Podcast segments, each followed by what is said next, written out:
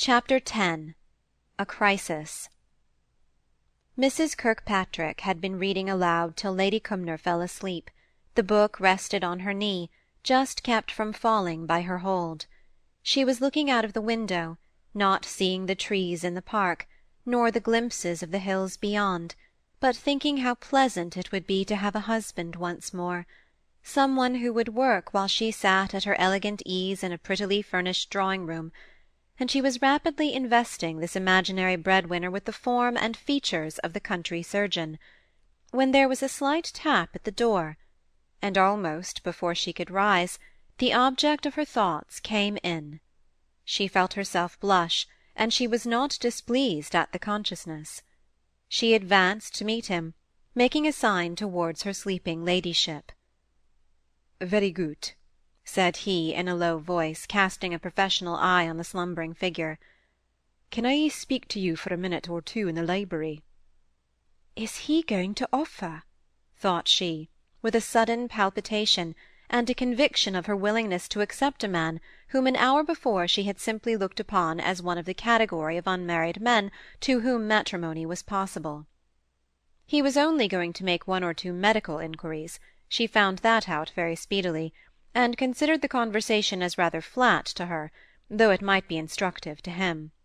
She was not aware that he finally made up his mind to propose during the time that she was speaking, answering his questions in many words, but he was accustomed to winnow the chaff from the corn, and her voice was so soft, her accent so pleasant, that it struck him as particularly agreeable after the broad country accent he was perpetually hearing.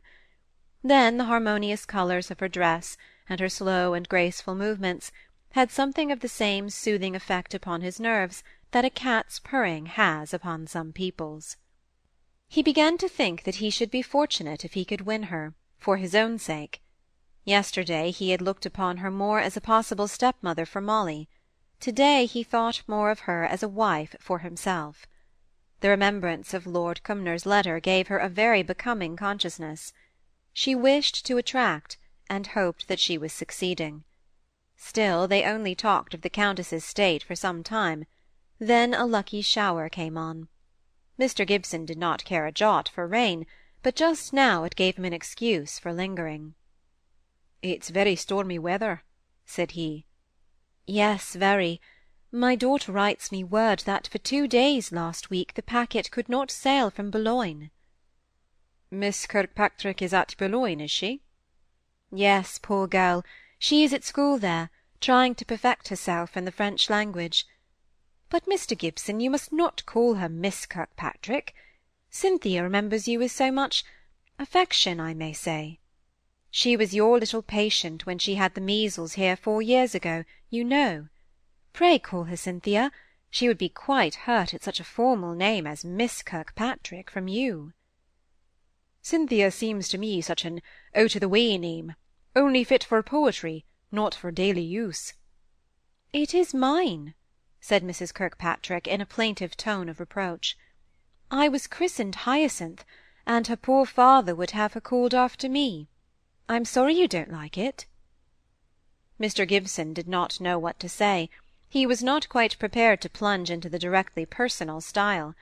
While he was hesitating, she went on. Hyacinth Clare. Once upon a time I was quite proud of my pretty name, and other people thought it pretty too." "I've no doubt," Mr. Gibson began, and then stopped. "Perhaps I did wrong in yielding to his wish to have her called by such a romantic name. It may excite prejudice against her in some people, and, poor child, she will have enough to struggle with. A young daughter is a great charge, Mr. Gibson especially when there is only one parent to look after her." "You are quite right," said he, recalled to the remembrance of Molly. "Though I should have thought that a girl who was so fortunate as to have a mother could not feel the loss of her father so acutely, as one who is motherless must suffer from her deprivation." "You are thinking of your own daughter. It was careless of me to say what I did. Dear child! How well I remember her sweet little face as she lay sleeping on my bed! I suppose she is nearly grown up now. She must be near my Cynthia's age. How I should like to see her!" "I hope you will. I should like you to see her. I should like you to love my poor little Molly, to love her as your own. He swallowed down something that rose in his throat, and was nearly choking him. Is he going to offer? Is he? she wondered, and she began to tremble in the suspense before he next spoke. Could you love her as your daughter? Will you try? Will you give me the right of introducing you to her as her future mother, as my wife? There, he had done it. Whether it was wise or foolish, he had done it but he was aware that the question as to its wisdom came into his mind the instant that the words were said past recall. She hid her face in her hands. "Oh, Mr. Gibson!" she said; and then, a little to his surprise, and a great deal to her own, she burst into hysterical tears. It was such a wonderful relief to feel that she need not struggle any more for a livelihood. "My dear, my dearest!" said he trying to soothe her with word and caress, but just at the moment uncertain what name he ought to use. After her sobbing had abated a little, she said herself, as if understanding his difficulty, "Call me Hyacinth, your own Hyacinth. I can't bear Clare. It does so remind me of being a governess, and those days are all past now." "Yes, but surely no one can have been more valued, more beloved than you have been in this family, at least. Oh yes, they have been very good, but still one has always had to remember one's position. We ought to tell Lady Cumnor, said he, thinking perhaps more of the various duties which lay before him in consequence of the step he had just taken than of what his future bride was saying. You'll tell her, won't you? said she, looking up in his face with beseeching eyes. I always like other people to tell her things, and then I can see how she takes them. Certainly. I will do whatever you wish. Shall we go and see if she is awake now? No, I think not. I had better prepare her. You will come to-morrow, won't you? And you will tell her then? Yes, that'll be best. I ought to tell Molly first. She has the right to know. I do hope you and she will love each other dearly. Oh, yes, I'm sure we shall. Then you'll come to-morrow and tell Lady Cumnor, and I'll prepare her. I don't see what preparation is necessary, but you know best, my dear. When can we arrange for you and Molly to meet? Just then a servant came in, and the pair started apart. Her ladyship is awake, and wishes to see Mr. Gibson.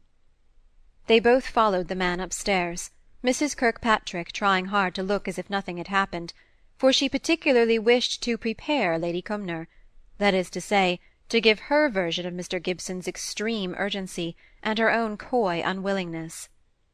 But Lady Cumnor had observant eyes in sickness as well as in health.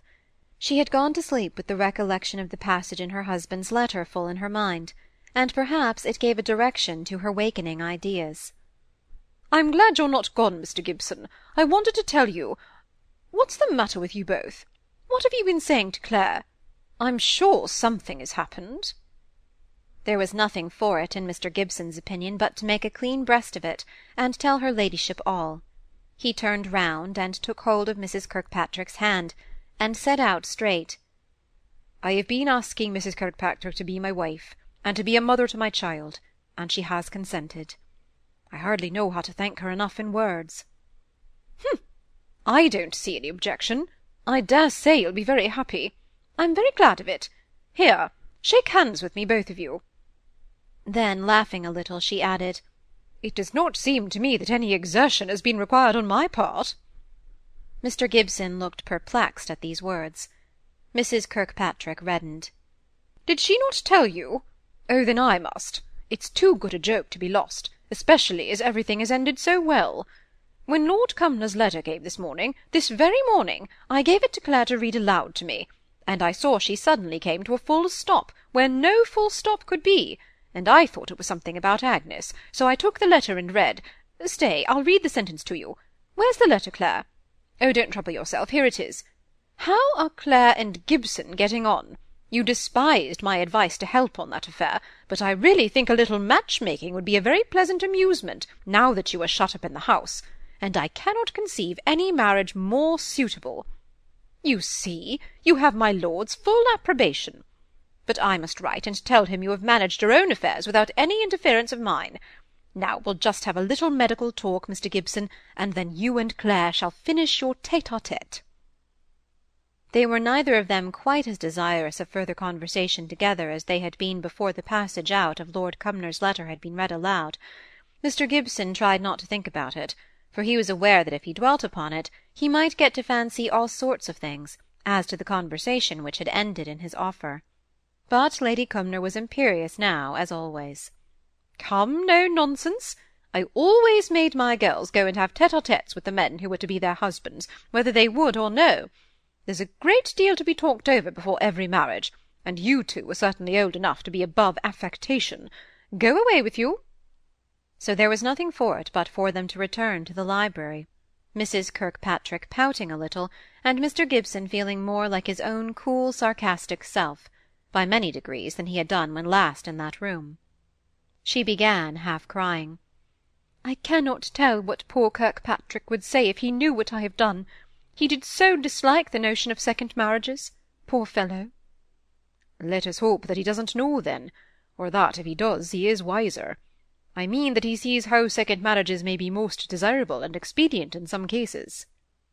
Altogether this second tête-à-tête done to command was not so satisfactory as the first, and Mr. Gibson was quite alive to the necessity of proceeding on his round to see his patients before very much time had elapsed. We shall shake down into uniformity before long, I've no doubt," said he to himself as he rode away. "It's hardly to be expected that our thoughts should run in the same groove all at once.